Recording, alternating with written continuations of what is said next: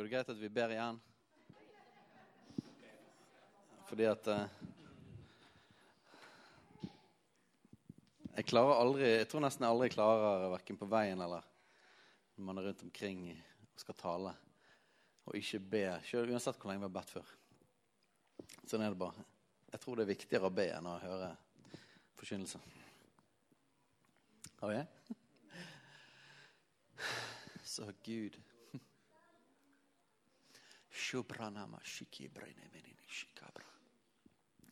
Rimama branama siki brede bedishi. Roba babrene meni shikabranama. Shobranama na siki bre.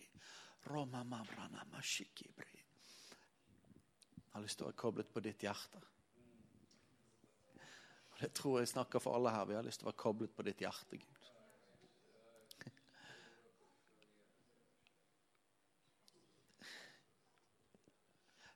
Vil leve med deg, vi vil høre fra deg.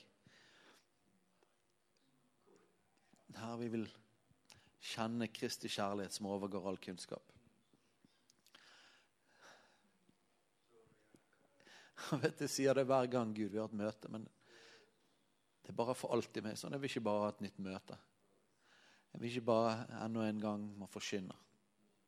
Enda et budskap som noen skal sitte og få høre. Jeg vil ha deg, Gud skikkelig, på ordentlig. Hver gang. Så rør med våre hjerter, Gud. Snakk til oss. Bruk denne tiden nå vi har igjen her, til å snakke til oss. Og du er helt utrolig kul, for du kan til og med gjennom det jeg sier, så kan du si ting til folk som ikke sa engang. Du kan bare snakke til hver enkelt. Jeg opplevde det før, Gud. At du bare taler til meg. Når, og det var ikke budskap engang. Men du, vi gir deg rom nå til å snakke ut fra ditt ord inn i våre liv, Gud. For at din stemme, det er liv. Ditt, ditt ord, det skaper. Så Helligånd, bare hvil over vannet, Herre. Akkurat som når du skapte. Hvil over vannet. Og så tal ditt ord. Og la det bli til liv, Gud. Shobranamana shikibredi.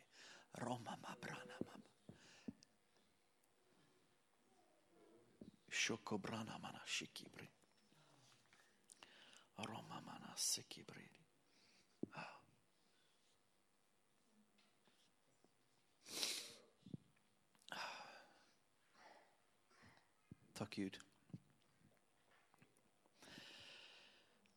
Jeg har tenkt hele, hele dette skoleåret fram til sommeren. At vi stadig kommer innom og snakker om eh, hvem er Jesusfellesskapet, hva er våre verdier, hva er Guds kall, hva er, hva er visjonen og de tingene. Vi holder på å jobbe nå med et, et, nytt fundament for menigheten. Og det er tid for å gjøre det, fordi at eh, etter de tingene vi har vært igjennom Det har vært en storm, det har vært noen rystninger, alt blir rystet. Og da trenger vi å bare høre igjen få nyhet fra Den hellige ånd. Hva er faktisk det vi som er, hva er vi kalt det? Eh, og eh, jeg tenkte å lekke det litt sånn jevnlig eh, utover. Uansett hva vi snakker om, bare lekke det litt ut. Eh, og da gjelder det egentlig både, både de tingene som, som vi, vi, alltid har gjort, og vi er sterke på, som eh, Og bare understreke at de tingene vi har tenkt å fortsette med. Det er faktisk Guds kall for oss. Um, men òg å, å, ta oppgjør med de tingene som ikke har vært bra hos oss. Og, og å forkynne ut og si hva nye ting vi kommer til å gjøre. Eh, hva, som kommer, hva, som er annerledes, kommer til å bli annerledes. Og hele dette året fram til sommeren er på mange måter et litt sånn mellomår der vi har lyst til å forkynne ut et nytt grunnlag for det vi holder på med. Eh, og ønsker virkelig at alle sammen skal få gå inn i en prosess av å spørre Den hellige ånd igjen, akkurat som, som jeg gjør, og som vi gjør i lederskapet. Hva har du faktisk kalt meg til? Og har du faktisk kalt meg til å være en del av denne menigheten? Eh, og hvorfor det? Fordi at vi går ikke i menighet. Vi er menighet. Og eh, det betyr at jeg tror at, Gud, tror at Gud kaller oss inn til å være en del av en lokal forsamling. Det er han som kaller oss, og vi skal få være ett lem en kroppsdel i den kroppen. Så det er liksom ikke bare å være en rumpe på en stol. Det er greit å ha et møte, sånn som dette en gang i måneden, og lovsynge sammen og høre forkynnelse. Det, det, er supert. Men menighet er ikke møte. Menighet er en forsamling. En, det er en familie. Sånn er det bare. Noen familier funker jo bra, noen funker dårlig. Noen familier har hatt litt konflikter. det har vi hatt. Men det er likevel familie. Og familie handler òg om tilhørighet. At vi hører til hverandre. Så det er mer enn å være på et møte. Og, og eh, en utrolig viktig verdi for oss. Eh, fordi at noe vi har hatt Vi har hatt veldig mye bra hos oss. Men vi har òg hatt et element av kontroll som har vært i åndsatmosfæren over menigheten. Og, og når Gud, når vi veldig tydelig vil ta et oppgjør med kontroll hos oss, så er noe Det vil si mange forskjellige ting, men en av tingene det vil si, det er å slippe folk fri. Og det handler ikke bare om helt konkret, for det er jo ingen som er tvunget til å være her, men det handler om noe åndelig, det handler om noe sjelelig. Det, handler om, det handler om å slippe folk fri til at vi eier ingen. Og du har ingen forpliktelse til å være med i Jesusfellesskapet for, for noen mennesker. Men vi er en familie som Gud har en oppgave til. Og så kaller han de folkene som skal være en del av den familien. Men det er en ting mellom det og Gud. Så, så en av de viktige tingene det er å bare slippe fri. Og en av måtene å slippe fri på er å si at folkens, spør han. Han har en plan for ditt liv. Og en, en viktig del av det å være en disippel, en etterfølger Jesus, er å ha en lokalt, et lokalt fellesskap, lokal forsamling. Å være en lem på en kropp helt sånn, helt sånn konkret. Ja, vi er en del av et større. Jeg har tenkt å snakke om enhet i dag, og menighet i byen og sånn òg. Men la oss ta helt sånn lokalt. Så, så er det Det er ikke bare en rumpe på en stol. Det er ikke bare en person på et møte. Det er, Jeg er del av en kropp. Jeg er en kroppsdel. Jeg har en funksjon. Og alle sammen har hver sin funksjon som han har kalt deg og satt deg inn i. Og kroppen fungerer ikke uten at alle kroppsdelene er der. Det å være menighet. Og jeg ønsker jo virkelig at dette året skal være et sånt år der vi på en måte slipper alle, at alle får kjenne det, at alle er fri. Og at du faktisk får vurdere skal jeg være med i EF. Er det faktisk der jeg er kalt å være? Eh, at ingen kjenner en menneskelig forpliktelse til det. Men at alle får høre fra Han, fra Han som er Herren han som er hodet. Hva lokal forsamling skal med i? Og hvis jeg er med i Jesusfellesskapet, hvorfor skal jeg det? Har du kalt meg til det? Eh, og En del av den prosessen tror jeg hjelper gjennom å fortelle hvem er vi og hva er vi kalt til. Og Så kan du se om det stemmer overens i ditt hjerte. Så kan du si at ja, dette skaper liv i meg. Dette treffer meg. Dette vil jeg være en del av. Og det har som oftest med mer enn at du vil være en del av det. Det handler om at Gud har puttet noe inn i deg som gjør at du er kalt til å være sammen i det oppdraget. Skjønner du hva jeg snakker om? Så Derfor vil vi dele verdier. vi vil dele versjonen. Og så kan det være for noen bare sånn her Dette er veldig bra, men jeg vet ikke. Dette bare gir ingen gjenklang i meg. Ok, greit. Men vær en del av en forsamling og spør Gud hvem du skal tilhøre. Men ingen må være med. Vi har gjort oss totalt sårbare dette og sier at eh, alle sammen som trenger det og har lyst til, skal slippe alt ansvar de har. Vi forventer ikke at noen skal være med noen steder. Vi forventer ikke at noen kommer til å være med her. Og Hvorfor det, da? Fordi at eh, vi gidder ikke holde på med dette her hvis ikke det er Gud som har kalt oss til å holde på med det. Og vi gidder ikke, med, gidder ikke hvis ikke det er Han som har gitt det kallet. Hvis ikke Han har en hensikt. Og hvis Han har en hensikt, så kaller han de folkene som skal være med. Du skjønner? Hvis det er faktisk Han, da bærer Han det. Vi vil ikke bære det sjøl. Og dette året for min del har vært eh, eh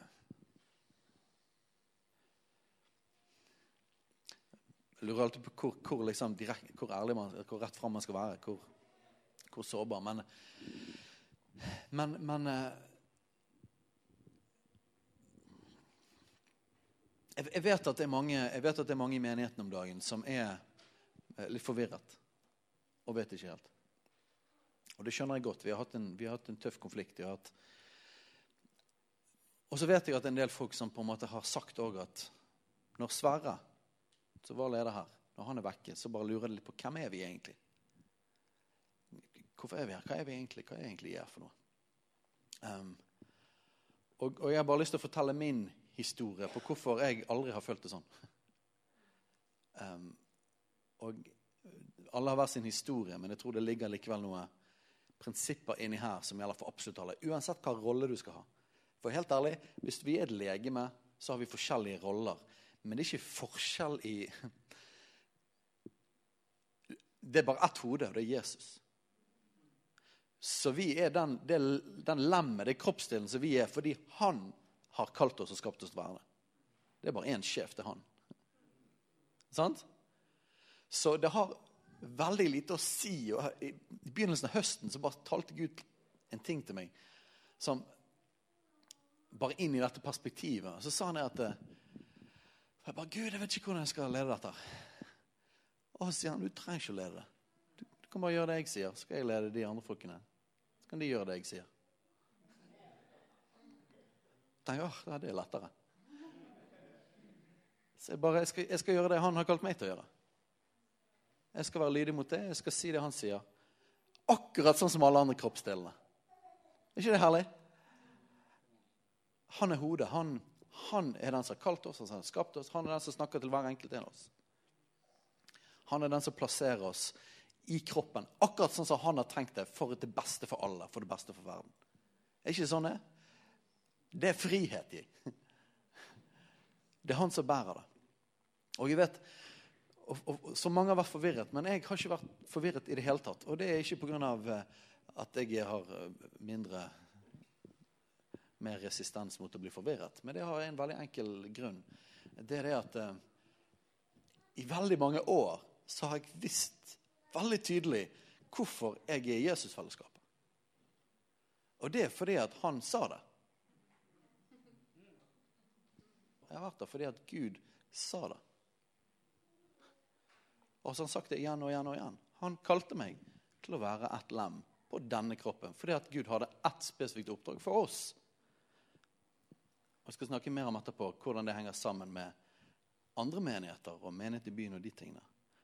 Men de tingene er ikke en motsetning. De henger sammen. Derfor er jeg her. Fordi Gud har kalt meg. Og så kom vi inn i en konflikt. Og det er forskjell jeg håper ikke det er sånn, for En del av dere har på en måte ikke følt det så veldig på kroppen.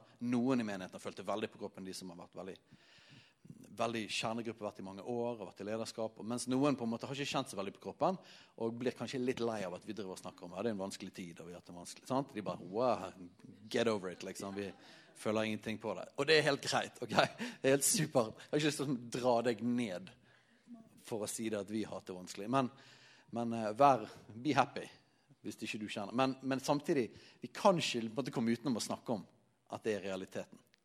Sånn? Skjønner hva? Så vi får prøve å ha balanse på det. Så dette året, når vi da gikk, når vi plutselig krasjet noe helt sinnssykt i uh, september i fjor Og um, jeg skjønte at dette her kan gå skikkelig, skikkelig galt. Da ble det jo en nydelig anledning igjen til å finne ut om man faktisk er meningen at vi holder på med det vi holder på med. Sant? Hvorfor holder vi på med Veien? Hvorfor holder vi på med misjonsgrener? Hvorfor holder vi på med EF? Eh, og heldigvis er jeg veldig glad for at når den, når den krasjen kom, så gjorde det meg aldri desillusjonert. Fordi eh, fordi at jeg visste så veldig tydelig hva Gud har kalt meg til fra før av. Han har snakket til meg. Og jeg, mitt hjertesukk er at jeg håper at du skal få høre det direkte fra han. For Det handler ikke bare om akkurat min rolle her. Det handler om alle sammen. Det er ikke sånn? Det er bare ett hode, det er Jesus. Og jeg tror du kan ha det akkurat det samme uansett hva type rolle man har. Men, men så gikk vi altså inn i en veldig tøff periode. Og det som skjer når ting blir veldig tøft og veldig slitsomt, og veldig vanskelig, det er jo at man, eh, man lett mister motet. Man, man, kan bli utslitt, man, det er tøft. hvorfor er dette verdt det? Er dette faktisk verdt det. Og det gjør det at jeg har aldri noen gang i hele mitt liv spurt Gud det samme spørsmålet så mange ganger som dette året. Så selv om jeg egentlig vet hva han har sagt fra før av, så bare Gud, jeg trenger at du sier det igjen. Jeg vet du sa det i går, men i dag er det skikkelig ille. Jeg trenger at du sier det igjen. Og så kan jeg trøste meg av at Abraham han, han fikk høre det samme kallet flere ganger. Det har ikke med det at det forandret seg, men det har med det at noen ganger trenger vi å høre det flere ganger. Jeg har da fått høre det sinnssykt mange ganger dette året. Men det gjør òg at jeg kan stå her og, og, og snakke om framtiden. Ikke basert på om noen av dere kommer til å være her en gang, for det er det opp til han og deg. Men jeg kan snakke om det basert på at han har talt til meg, og jeg kan ikke slippe å skjønne det. Og det er bare meg og Katrina. Håper Naomi og U20. Ok. Men jeg kan, ikke, jeg kan, ikke, stikke unna det som han har sagt til meg. Skjønner dere? Eh, og jeg bare har sånn inderlig håp om at, at, dette året ikke bare skal være sånn at eh, du skal drive og finne ut om, eh, om, om, om vi fortsatt er kule nok til at du kan være i JF, eller en eller annen slags ytre grunn. Men jeg håper at du skal få høre fra han igjen hva du skal gjøre. Hva, lem du er. Hvor du skal høre til. Det er en ypperlig anledning til det. For dette er kun hans stemme. Det er det vi kan stå på. Det er ingenting annet. Ok. Så jeg har altså massevis av anledninger til å, til å finne ut om, eh, om det, Jeg skal fortsette med dette greiene. Om det er verdt å gå gjennom enda en sånn heftig ting. For det har vært veldig smertefullt. Og så kommer det altså folk utenfra igjen og igjen og igjen. For jeg har ikke peiling så begynner de å profetere. Begynner de å profetere på Facebook. Jeg vet ikke om dette gir mening, men Og så bare beskriver de situasjonen. Og, bla, bla, Igjen og igjen og igjen. Og jeg vet ikke hvor mange jeg har gått opp på bønnerommet på kontoret og bare sånn, Gud, i dag er det bare for tøft. Jeg har ikke lyst lenger. Dette, nå er det bare, nå går ikke det. Og så sier Gud bare Og jeg bare fisker, liksom. Please, si et eller annet. Noen ganger har man bare lyst til å si nei, for glad, bare du skal slippe. Men det gjør han. Han sier ikke det. Han sier Ingenting er forandret. Og, eh, og, Jeg har fortalt det før, men, men, for meg i dette året har det vært en sånn her eh, epokegjørende ting. En, en, sånn ting som Jeg kan stå her og jeg kan stå på det. Og, og jeg kan snakke om framtiden. Dette er liksom grunnlaget for å snakke om framtiden. Eh, og det var, det var i, i, mai. Jeg var ikke første gang på mange, mange år. Kanskje forever. jeg vet ikke. Eller ikke forever, men siden jeg begynte på veien eh, jobb på veien, så var jeg ikke med på lang teamtur. Så jeg var hjemme. Jeg og Kåre var hjemme. Og eh, så var det tilfeldigvis fint vær akkurat på den tiden, der, så jeg var ute og malte huset. Og jeg husker det så godt fordi at eh, den uken her, de ukene der i mai, var forferdelig tøffe. Og jeg hadde virket for først, liksom, Det hadde aldri vært så nevnt i mitt liv at nei, vet du hva, dette her gidder ikke jeg gjøre lenger. Dette her er ikke verdt det. Og, eh, og, så var jeg sint på alle. Og sannheten er at jeg var sint på dere. Alle sammen i menigheten var jeg sint på. Jeg var sint på alle. Ok? Det var der jeg var. Jeg bare drit og dra. Dette gidder ikke mer. Så hadde jeg begynt å endelig få noen tanker om en annen jobb jeg kunne ha. Før jeg har prøvd på det, har det bare liksom, det har gått dårlig hver gang jeg har tenkt på. Det bare, nei, det går ikke. Men nå hadde jeg endelig begynt å få noen håp om kanskje jeg kan begynne med noe. Så jeg hadde egentlig litt glede over at jeg endelig kunne få lov til å slutte med dette drittjobben her. Tåler dere at jeg er litt ærlig? Eh, problemet da er at hele året så har Gud talt til meg om framtiden til Jesusfellesskapet. Og jeg har gitt Gud veldig mange muligheter til å si at jeg mener, hvis ikke du har tenkt at dette brenner, la det brenne opp alt sammen Hvis ikke dette er din plan, hvis ikke du bærer dette Jeg ba helt spesifikt Ødelegg denne menigheten. La den bli lagt ned hvis ikke dette er din plan. Vi gidder ikke å bygge på et eller annet som ikke er deg. ok? Så det er bedt hele. Men så, men så, helt fra september i fjor, helt fra konflikten begynte, så begynte Gud å tale om framtiden. Jeg har bøker fulle av visjoner om framtiden. Og jeg syns det var så latterlig. Midt inni all konflikten så bare viser Gud om framtiden. Og så Hele året har det vært sånn. Men så står jeg der i mai og har lyst til å gi opp igjen. Og jeg er sint og holder på å male. Og Katrine var der òg. Hun malte litt lenger borte på terrassen. Jeg malte her. Og Katrine merker jeg var sur. Jeg har vært sur i flere dager. Jeg, jeg, la meg sur, og jeg våknet opp sur. Jeg var sint på alle. Halleluja. Så står jeg der og maler, og jeg søker ikke Gud. Jeg ber ikke, jeg klager ikke engang. Jeg er bare sur på alle. Jeg er klar for å slutte, basically. Og som lyn fra klar himmel mens jeg står der og maler veggen, så bare sier Gud til meg du kan velge å tro på de umulige omstendighetene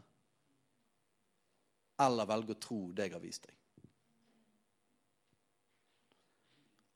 Og i dag, i dag igjen kan jeg bare, jeg bare vet at jeg vet at selv om Gud talte mange mange, mange ganger både før og etter det, så bare den gangen var det bare sånn at det bare naglet seg inn i meg. Og så er det sånn Når Gud taler, så er det sånn at han gir òg en nåde til å ta imot det han sier. Så når han sa det, så var det bare bare traff det meg. sant? Og jeg bare OK, Gud. Jeg velger å tro på det du har vist meg.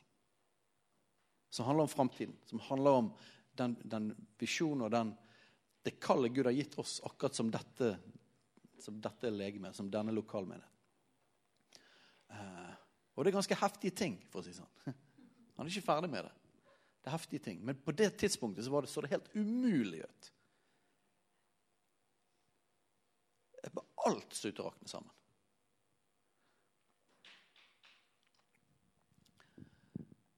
Og Derfor kan jeg stå her nå så kan jeg si det at eh, når vi snakker om visjon og verdier, og ting, så handler det ikke om hvor, hvor, vi er her nå.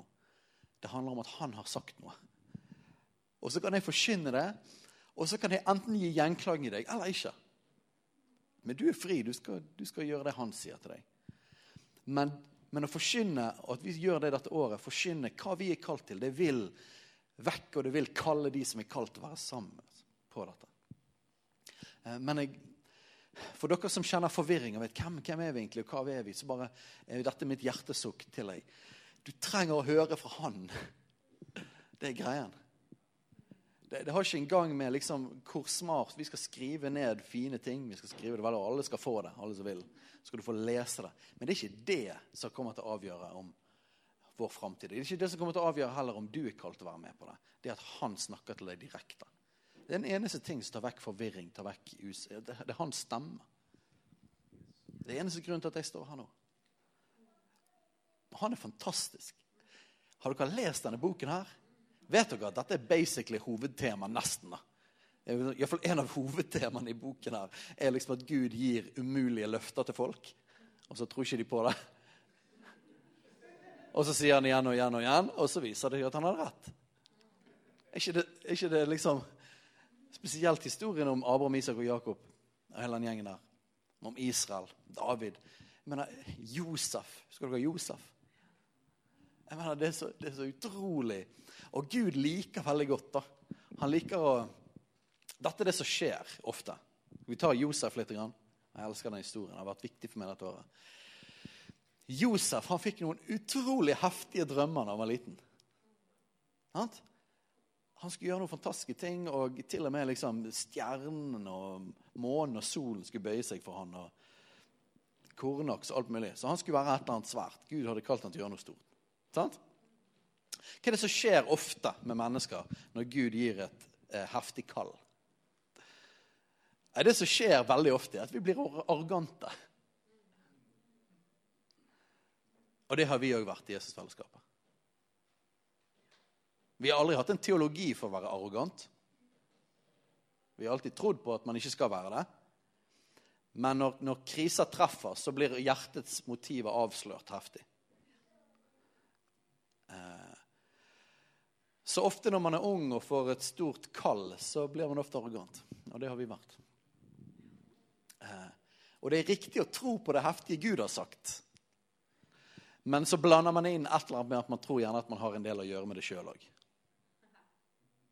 Sant? Og hva var det som skjedde med Josef, da? Nei, brødrene hans ble jo utrolig lei av den arrogansen. Det er ikke den beste måten å få venner på. Så kastet de han i en brønn, solgte han som slave. Og så fikk jo Josef et krasj med to virkeligheter. Det ene var det at Gud hadde vist ham om hans framtid, og så var det det han erfarte der og da. og det virket rimelig motsatt. Han skulle liksom bli et eller annet svært, og så ble han slave. Og Så ble han tatt inn i Potifars hus. Dere kan historien. Men fordi Guds hånd var på han, så fikk han favør. Og Han begynte å vokse i anseelse igjen, og han fikk mer posisjon. Og da tenkte han sikkert OK, nå er vi på gang. Sant? Men eh, jeg tror personlig at Gud tenkte han har ikke vært lavt nok nede ennå. For hvis vi skal gjøre det han har kalt oss til, så trenger han faktisk å knuse hjertene våre. For hvis vi går arrogant inn i det Gud har kalt oss til, da vil det slå oss ut. Og det vil skade Guds rike. Vi kan være glad for at, Gud, at vi fikk denne trøkken når vi var såpass små som vi er. Og det er ingen garanti for framtiden. Vi må holde hjertene våre rene. Men, eh, men kanskje vi var såpass heldige at vi fikk denne trøkken nå. Eh, sånn at det fikk mindre konsekvenser for Guds rike og for mindre folk. Og at vi forhåpentligvis har lært noe for lang tid framover. Men eh, Gud synes tydeligvis at Josef måtte ha seg en ny runde. Det var noe mer arroganse som måtte drives ut av hans hjerte før han kunne være klar til å gjøre det Gud hadde kalt han til. Fordi at han skulle få en ganske heftig posisjon. Han skulle være nest etter farao. Den mektigste personen i verden på det tidspunktet. Og da trenger du et rent hjerte. Hvis du skal kunne bære det. Og eh, det som skjer, er at han blir anklaget for voldtekt uten at han har gjort noe galt. Og så blir han kastet i fengsel. Og så er det rett ned igjen for han. Og dette gjelder, dette, Jeg sier det som en allegori for menigheten og vår historie, men dette gjelder jo òg personlig for oss. Gud har fantastiske planer for hver enkelt av oss. Fantastiske løfter. Et fantastisk kall. Vi skal få være med og gjøre fantastiske ting. Hver eneste en av oss. Er ikke det sant? Men Gud er veldig opptatt av prosessen i vårt hjerte. Han er veldig opptatt av å gjøre oss til de, noen som kan faktisk være sunne nok til å tåle eh, den oppmerksomheten du vil få når du faktisk gjør det du er kalt til. Så Josef fikk inn der, og jeg er sikker på at Josef krasjet igjen. Jeg er sikker på at Josef ikke skjønte noen ting av kunne ikke, Det gir ikke mening, det du har kalt meg til å tale til meg, i forhold til den omstendigheten som jeg er i. Men på et eller annet tidspunkt så var Josef klar. Han var knust nok. Det er veldig fint hvis du er såpass ydmyk fra starten av at du ikke trenger knusing. Noen av oss trenger knusing. Og det er Guds kjærlighet til oss. Han elsker oss så høyt at han vil at vi skal kunne leve trygt når han òg gir oss favør. Og så kom tiden en eller annen gang, og vi vet ikke hvor lenge Josef satt i fengsel, der Gud tok han ut av det og satte han inn i sitt kall. Der Josef fikk lov til å være med og redde Egypt og Midtøsten fra hungersnød. Og Gud ga en enorm favør. Når jeg, når jeg sto der i mai og var sint og malte, så var det et sånt moment av følelsen av å være kastet i fengsel. Å være på et sted med menigheten som er så langt ifra det Gud har vist. Men han, men han sa du kan velge å tro de umulige omstendighetene eller det jeg har vist deg. Så når vi snakker om visjoner, så er ikke det basert på at, vi, at alt ser så fantastisk ut nå. For det gjør det ikke. Det er mye kaos i menigheten fortsatt. Mye som er revet ned. Men Gud har begynt å gjøre noen ting de siste måneden. Begynner å vekke opp litt ting. vi begynner å komme videre. Men det er basert på én ting, og det er at han har sagt. Og det kan jo du velge å tro på eller ikke, men jeg vet det. Jeg klarer ikke å slippe unna det. Jeg vet han har sagt. Og jeg vet òg en ting. Jeg vet at uh, det er ikke lenger sånn at å gå inn i det Gud har kalt oss til, og meg til, lenger en sånn herre Ja, det blir en behagelig, hyggelig ting, og det kan bli fint med masse oppmerksomhet og ære for å gjøre fantastiske ting for Gud. Nei, det har blitt tatt godt av dette året. Man kommer til et sted der man vet at man har ikke sjanse til å få til dette sjøl. Man har egentlig ikke lyst engang. Man blir veldig veldig klar over sine egne, sine egne feil, sin egen svakhet, sin egen begrensning, sin egen mangel på styrke. Man kommer til et punkt der man vet man kan ikke få dette til. Ja, Da er det bare én ting som ligger under der. Har han sagt eller ikke? Og det har han gjentatt igjen og igjen og igjen. Og gjennom denne høsten så har det blitt bekreftet igjen og igjen. Og så kom det jo en sist gang jeg talte om det, så kom det en fyr fra Brasil som ikke har peiling på hva vi har snakket om, og beskriver på mange måter situasjonen vi har vært i siste året, og beskriver hva Gud har kalt oss til. Jeg drømte en drøm i natt. Det er mange interessante detaljer i den. Men noe av hovedgreiene Jeg har bedt mye i forhold til veien sin framtid de siste, siste, dagene. Jeg har bedt Gud om å tale tydelig. Og eh, den drømmen hjalp mange forskjellige ting. Men jeg husker at jeg var på en samling av forskjellige ledere, kristenledere i Europa. Og så var det en sånn presentasjonsrunde. Eh, og så, når jeg skulle presentere meg sjøl, så sa jeg bl.a.: Vi har en bibelskole, og vi skal forandre Europa. Og en ting, Hvis du hadde sagt det på ordentlig, så er det én ting, men jeg sa det i en drøm. og det har bare mange andre ting i den drømmen. Det bare klinget i meg helt siden jeg våknet i dag. Bare sånn her Vi skal ha en bibelskole. Og Gud har vist mange ting om, om framtiden her. Det blir spennende å se på. Vi skal ha en bibelske, og vi skal være med og forandre Europa. Ikke bare vi skal forandre Europa, men Gud har kalt oss til å gjøre en, en forskjell. Og Det kommer ikke til å være basert på at vi er så fantastiske. Det kommer til å være basert på at Gud har kalt oss til noe. Og vi kommer ikke til å være de eneste. Dere skjønner det? Men alle skal gjøre det de er kalt til. OK. Så det var litt sånn Ja, det var litt intro, men det er greit. Men, eh, men, det er så viktig for meg at dere skal forstå litt hvor vi kommer fra når vi driver og snakker om, om framtiden. Her er én ting som jeg har opplevd Gud tale om, som, som vi ikke har vært gode på. Her er det en ting som, som vi skal ta et oppgjør med og som kommer til å bli en stor forskjell i tiden framover for Jesusfellesskapet og for veien. Og det er det. Dette er det vi skal ta et oppgjør med. Har begynt å ta et oppgjør med. Det er det at vi har Vi har isolert oss fra andre menigheter i byen. Og det er synd. Og vi har eh, hatt en ånd av vi kalle det elitisme. Det, det, betyr ikke at det kun har vært det. Sant? Det er ikke sånn at det er svart-hvitt 100% Men det har vært likevel noe der. Eh, og, og, det skal vi ta et oppgjør med. Og Hva betyr det? Det betyr at fordi at Gud har kalt oss til noe fantastisk, og vi har faktisk, på tross av det det ser ut som i dag, vi har opplevd Gud gjøre enorme ting disse årene. Jeg vet at En av tingene Gud har kalt oss til, det er å være med og gjenreise det som er tegn under i Guds menighet i Europa.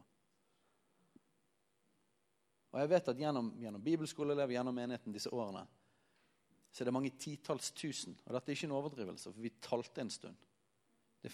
disse årene, tolv årene siden jeg var på veien, så er det mange titalls tusen helbredelser og mirakler som har skjedd.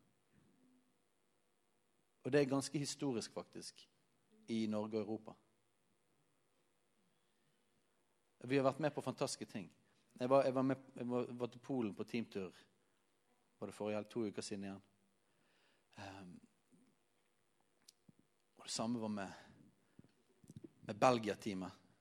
Et annet, annet, team i Belgia òg. Og selvfølgelig i Alta. Men det var et eller annet spesielt når vi drar nedover på kontinentet. Når vi drar ut til Europa, uansett hva vi gjør eller hvem vi er hos, så er det bare sånn Guds hånd på det vi holder på med. Som er vanskelig å beskrive. Det er bare helt utrolig for en favør av Gud. og Det er bare helt utrolig hva Gud gjør. Han åpner dører som er helt vanvittig. Belgia-teamet fikk oppleve liksom komme kunnskapsord til en ordfører så plutselig det var en sånn serie med profetiske sånne eventer som strategiske ting for å nå byer. Og vi gjør ingenting for det. Og dette har vi opplevd i år etter år etter år når vi reiser ned. Gud har lagt sin hånd på oss i forhold til det som har med å være med og influere Europa. Sånn er det bare.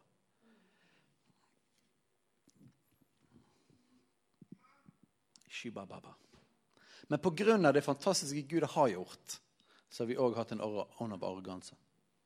Fordi vi har visst at Gud har brukt oss. Vi har visst at Gud har forandret menneskers liv på veien. Vi har visst masse ting som er helt sant. Og så har det vært en del folk som, i byen som har vært litt sånn skeptisk til, til IR. For det har vært forskjellige grunner til det. Eh, noe har sikkert vært fordi det har vært litt skummelt og kontroversielt med de gode tingene vi har gjort. Men det har òg hatt med oss å gjøre, hvordan vi faktisk har vært og oppført oss. Og at vi har trukket oss unna. Så en ting Gud har talt om for tiden framover, og som skal bli fullstendig annerledes, det er at vi tror ikke bare på enhet. Vi skal radikalt gå for enhet. Enhet i byen. Og eh, for at når vi først gjør noe, så gjør vi det skikkelig. Så det er jo en positiv ting. Når vi gjør noe dårlig, så gjør vi det skikkelig òg. Så vi, vi, det er litt enten-eller. Um, jeg var på, uh, I fjor så hadde vi et evangelistteam som jeg hadde. Og så var vi jo bar på bønnerommet på kontoret. Og da bar vi om 'mennesker frelst' i Bergen. Sant? Mennesker frelst og lagt til menigheten. Ropte til Gud.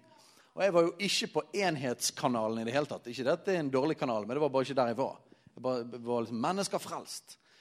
Og mens jeg var på å be om det, så akkurat som Gud stopper meg da, inni, inni meg. Og viser meg at uh, dere har nådd taket av hvor mange mennesker dere kan nå i byen. Sånn. Dere får ikke lov til å nå flere folk med mindre dere gjør det sammen med menigheten i Bergen så begynte han å vise meg om at det fins en begrensning for hvor mye hver enkelt forsamling i byen får lov til å lykkes uten de andre. Så begynte han å tale om at Og dette er, dette er, bare, dette er jo rart. For dette er ikke det vi har vært kjent for. Det er ikke ut av vår et eller annet. Dette er bare Guds humor, nesten. Så begynner han å si at vi skal få være, med, være en katalysator for enhet. Jesusfellesskapet har ikke vært en katalysator for enhet i Bergen. Så det gir ingen mening menneskelig sett. Men det gir mening i Guds Skjønner dere? Gud liker å gjenopprette. Han liker å snu ting rundt. Altså, vi, skal være, vi skal være med og gjøre være en katalysator. Det betyr, ja. det betyr at vi skal få være med på det. Og, det, og Gordon hadde FaceTime med Gordon for et par uker siden. Gordon Hickson. Og På slutten sa han ah, forresten, det var en ting som Gud talte meg om. Han sa bare enhet i byen. enhet i byen. Dere skal få en katalysator for enhet i byen. Og så han, Hvorfor det, da? Jo, fordi at eh, dere er små. Um, og nå så er dere nede. Det betyr dere er ikke skremmende. og nå så vet dere veldig godt at dere får ikke det til. Så når dere møter andre folk og andre ledere, så kommer ikke dere med arroganse. Og det er ikke vår egen Skjønner dere hva jeg mener? Dette er, vår, liksom, dette er jo fordi vi har drept oss ut. Og så har vi truffet veggen. Altså det er ikke det er vår fortjeneste, for så vidt. Vår fortjeneste har vært at vi har gjort noe som var dårlig. Og så har vi smakt konsekvensen av det. Men, men skjønner dere? Så, så den, den, ydmykheten som måtte være der, er jo ikke derfor at vi var så flinke å være ydmyke. Det er jo fordi vi har, vi har feilet. Vi har sett vår tilkortkommenhet. Vi har sett hva vi har bommet på. Eh, og det gjør at vi ser på en helt annen måte enn før. Oi, vi trenger de andre. Vi får ikke dette til sjøl. Vi gjør ikke det, helt ærlig.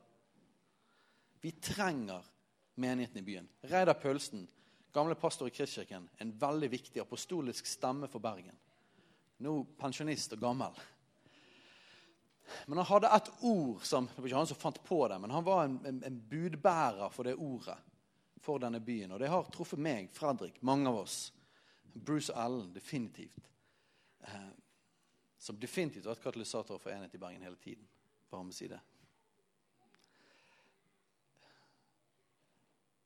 Og det ordet var det at det finnes bare én menighet i denne byen. Når Gud ser på Bergen, ser han bare én menighet. Og det er menigheten av alle de hellige. Det fins bare én menighet i Bergen. Det finnes flere forsamlinger.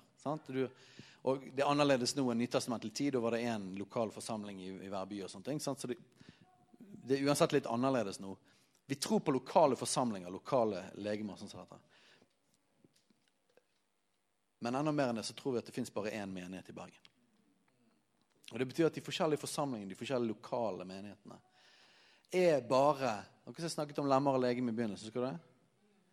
Så er vi bare ett lem i kroppen.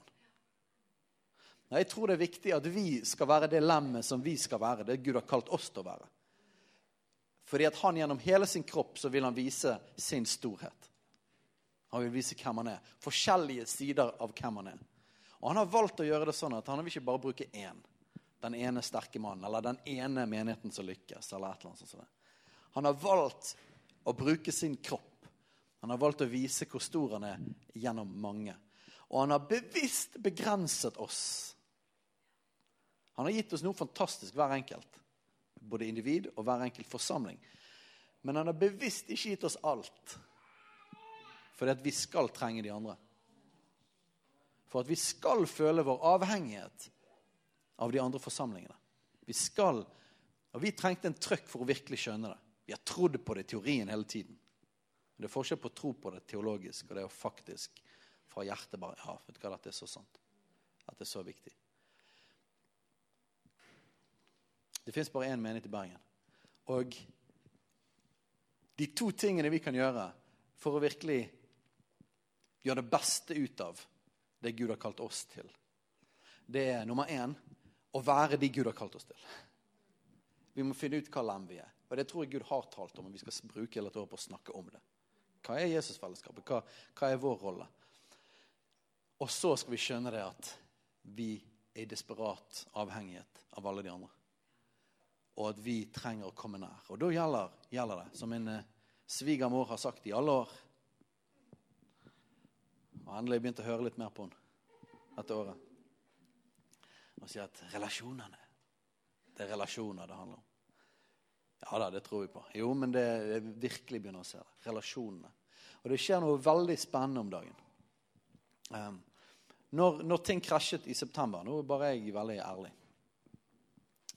Så var noe av det første Gud viste meg. Noe av det første som kom opp, var, og Derfor var det interessant når jeg skulle snakke om dette, at Bruce Allen var her i dag. Det er sikkert ikke tilfeldig. Noe av det første Gud viste meg, var at vi, måtte, vi, må, vi må rydde opp i forhold til Bruce Allen. For at meg og Fredrik, i prosessen om eierskap om Veien bibelskole, eh, så oppførte vi oss veldig dårlig i forhold til at vi spurte menigheten på asylplass om å trekke seg som eier av Veien. Og det var galt. Og vi gjorde det på en dårlig måte. Og vi såret de ganske kraftig. Og Det var det første Gud talte om når ting begynte å gå skeis. Gå og rydde opp med de. Og vi har begynt med det og prøvd å gjøre det. Bedt om tilgivelse. Men, men relasjon og tillit tar tid. Um, men jeg har lyst til at vi skal gjøre i hvert fall det vi kan. En av de andre tingene var å gå til Eldsterådet i Kristkirken. Og begynne å rydde opp med de. Vi har møtt Eldsterådet i Kristkirken en gang, vi skal møte de rett over i januar igjen. Og vi skal ta opp alt det vanskelige i vår historie i en ånd av forsoning og rydde opp alt ordentlig. Og Vi har gått til person etter person som vi har opplevd at, der vi har gjort noe galt. Og bedt om tilgivelse om det. Men, men, mer enn det òg. Det er et eller annet som er skjedd i alle bare relasjonene med folk som vi allerede hadde en god relasjon med. Av menigheter og menighetsledere i denne byen. Jeg merker det er en sånn Guds hånd på kontakten og relasjonen til dem. De merker det i forhold til folk i Kristkirken. Merker det i forhold til folk som er sånn gamle, gamle folk som jeg har vært veldig tett på, sånn som Daniel Sebjørnsen og Passion-gjengen. Jeg kjenner det er en sånn drakraft i forhold til alle disse folkene. En sånn drakraft, en sånn magnetisk drakraft. En helligånd bare pusher oss sammen.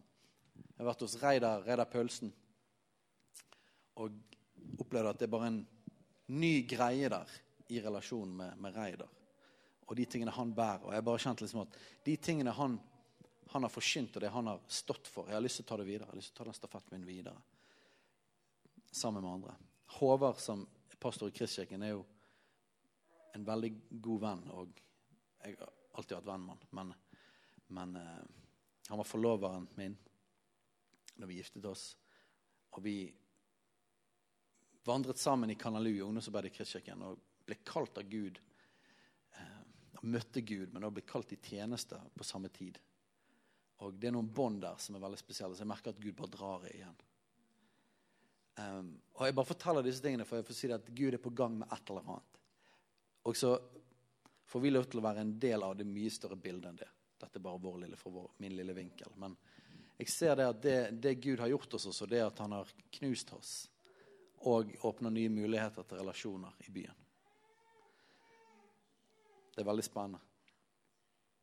Ok, nå har jeg bare fortalt masse, og det er helt greit. Men jeg kan iallfall gi et par vers.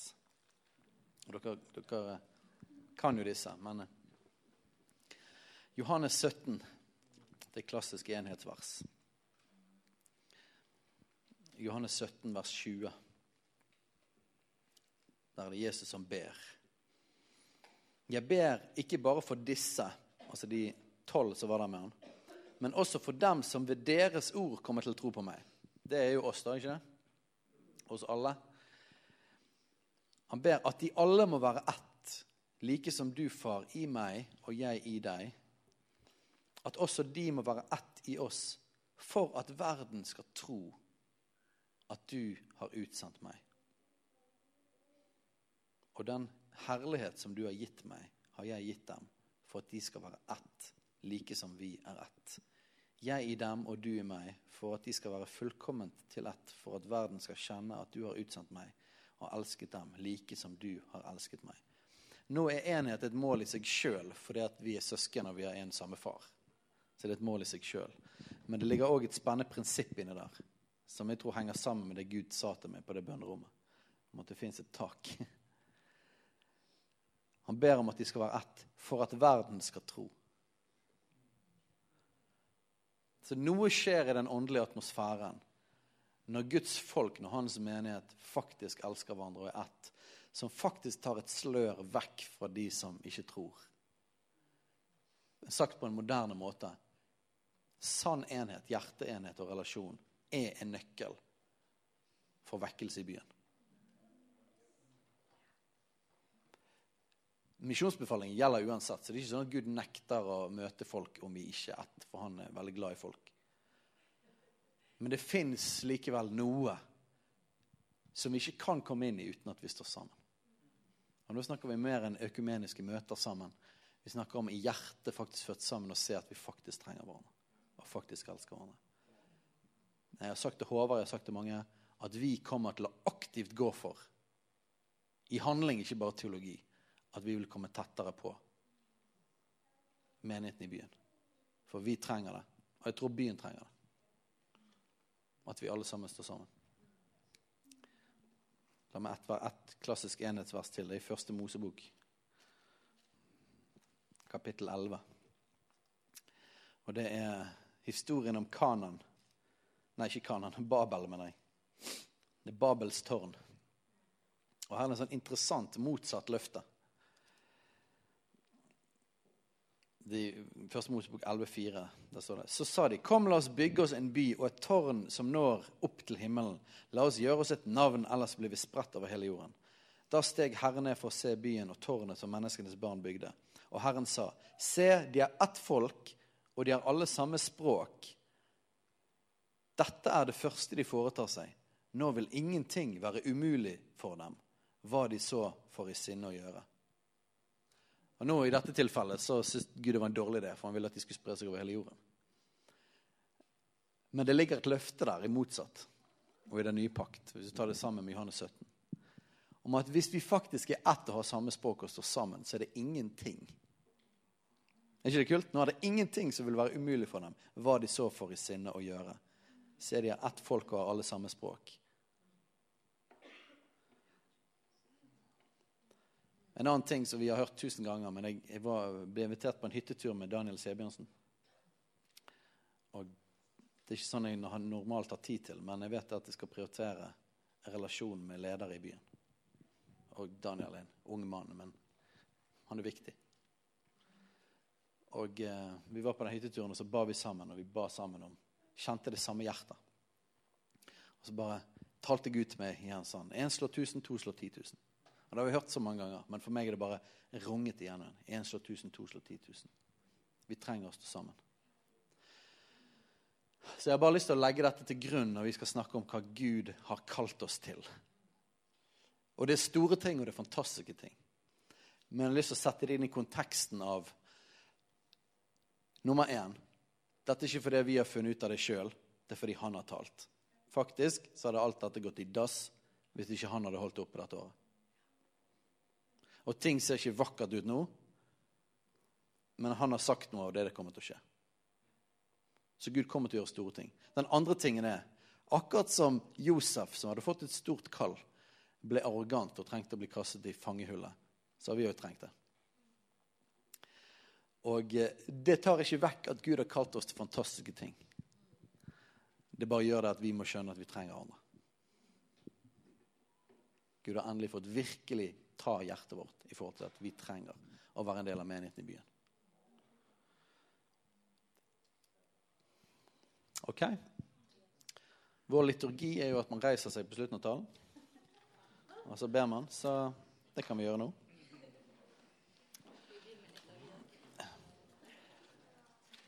Nå fikk jeg jo plutselig ikke så mye tid til det. Jeg skulle jo liksom, Det var det samme jeg skulle gjøre sist gang. og Da kjente jeg å forkynne evangeliet, og så delte jeg litt om visjoner. Men det er helt greit. Men, men det var faktisk én ting jeg tenkte at jeg skulle dele. Bare for å liksom gi en liten sånn, her, litt sånn hint istedenfor at du må bare vente på alt. Men én ting som Gud talte til meg i forhold til det at det han har kalt oss til, det kommer, det kommer han til å gjøre, som har vist seg sa veldig tydelig til meg Dette har jeg faktisk ikke delt med noen. Men, men, bare en helt sånn konkret ting.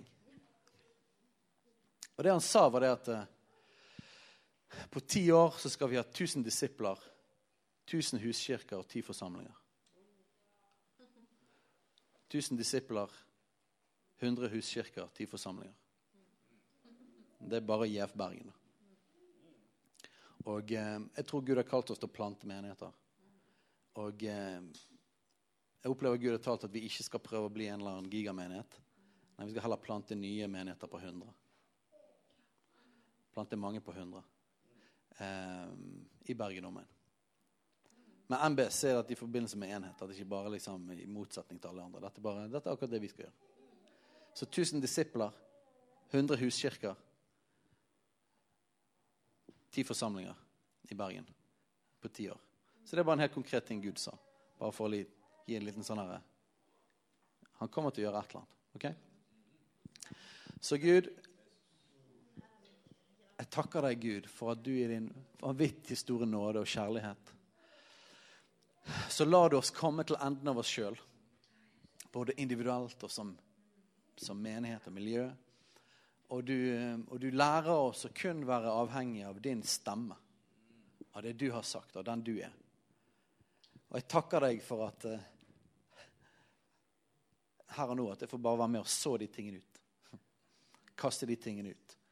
Jeg takker deg for at du kommer til å snakke til hver eneste en av de som er her i dag, og de som ellers som tilhører denne forsamlingen. Så kommer du til å snakke til hver enkelt om hva lem du har kalt de til å være. Og om de skal være i Jesusfellesskapet, eller om det er en annen forsamling de skal gi seg inn i. Vi velsigner det uansett. Vi bare erklærer det at alle er fri. Og at, og at det du sier, det er det vi skal gjøre. Du er hodet, ingen annen. Og så takker vi deg, Gud, for at du har lært oss at vi kan ikke få det til sjøl. Men det er bare ditt kall, Gud. Det er ditt ord. Vi kan gjøre det du sier, og så kan du få gjøre hele greien. Og så takker jeg deg for at du har gjort, lært oss at vi, at vi trenger hverandre. At vi trenger menigheten i byen. Og jeg ber Gud at det skal bli tankegang og kultur hos oss. At ikke bare snakker om det denne gangen, men at det faktisk blir vårt liv, at det faktisk blir vårt hjerte. At vi skal få lov til, i ydmykhet, i kjærlighet til de andre, være med og være en katalysator for enhet i byen. Du er veldig kul, Gud, som kan snu historien på den måten. Jeg takker deg for at du er den som gjenoppretter det som ble brutt og ødelagt. Og du elsker å gjøre det. Og Gud, nå ber jeg om at du skal Vi som har fått gjort fantastiske ting med deg, men samtidig òg har feilet og krasjet. Da takker vi deg, Gud, for at du skal få lov til å bruke oss til å være med og gjenopprette og vise din godhet og din nåde. Det er du som er kontroll, det er du som er herre, det er du som er hodet i menigheten. Det er du som holder og bærer alt dette. Så vi tilber deg, og vi elsker deg.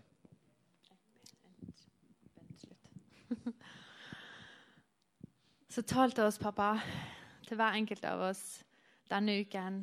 Knytt oss tett opp til deg.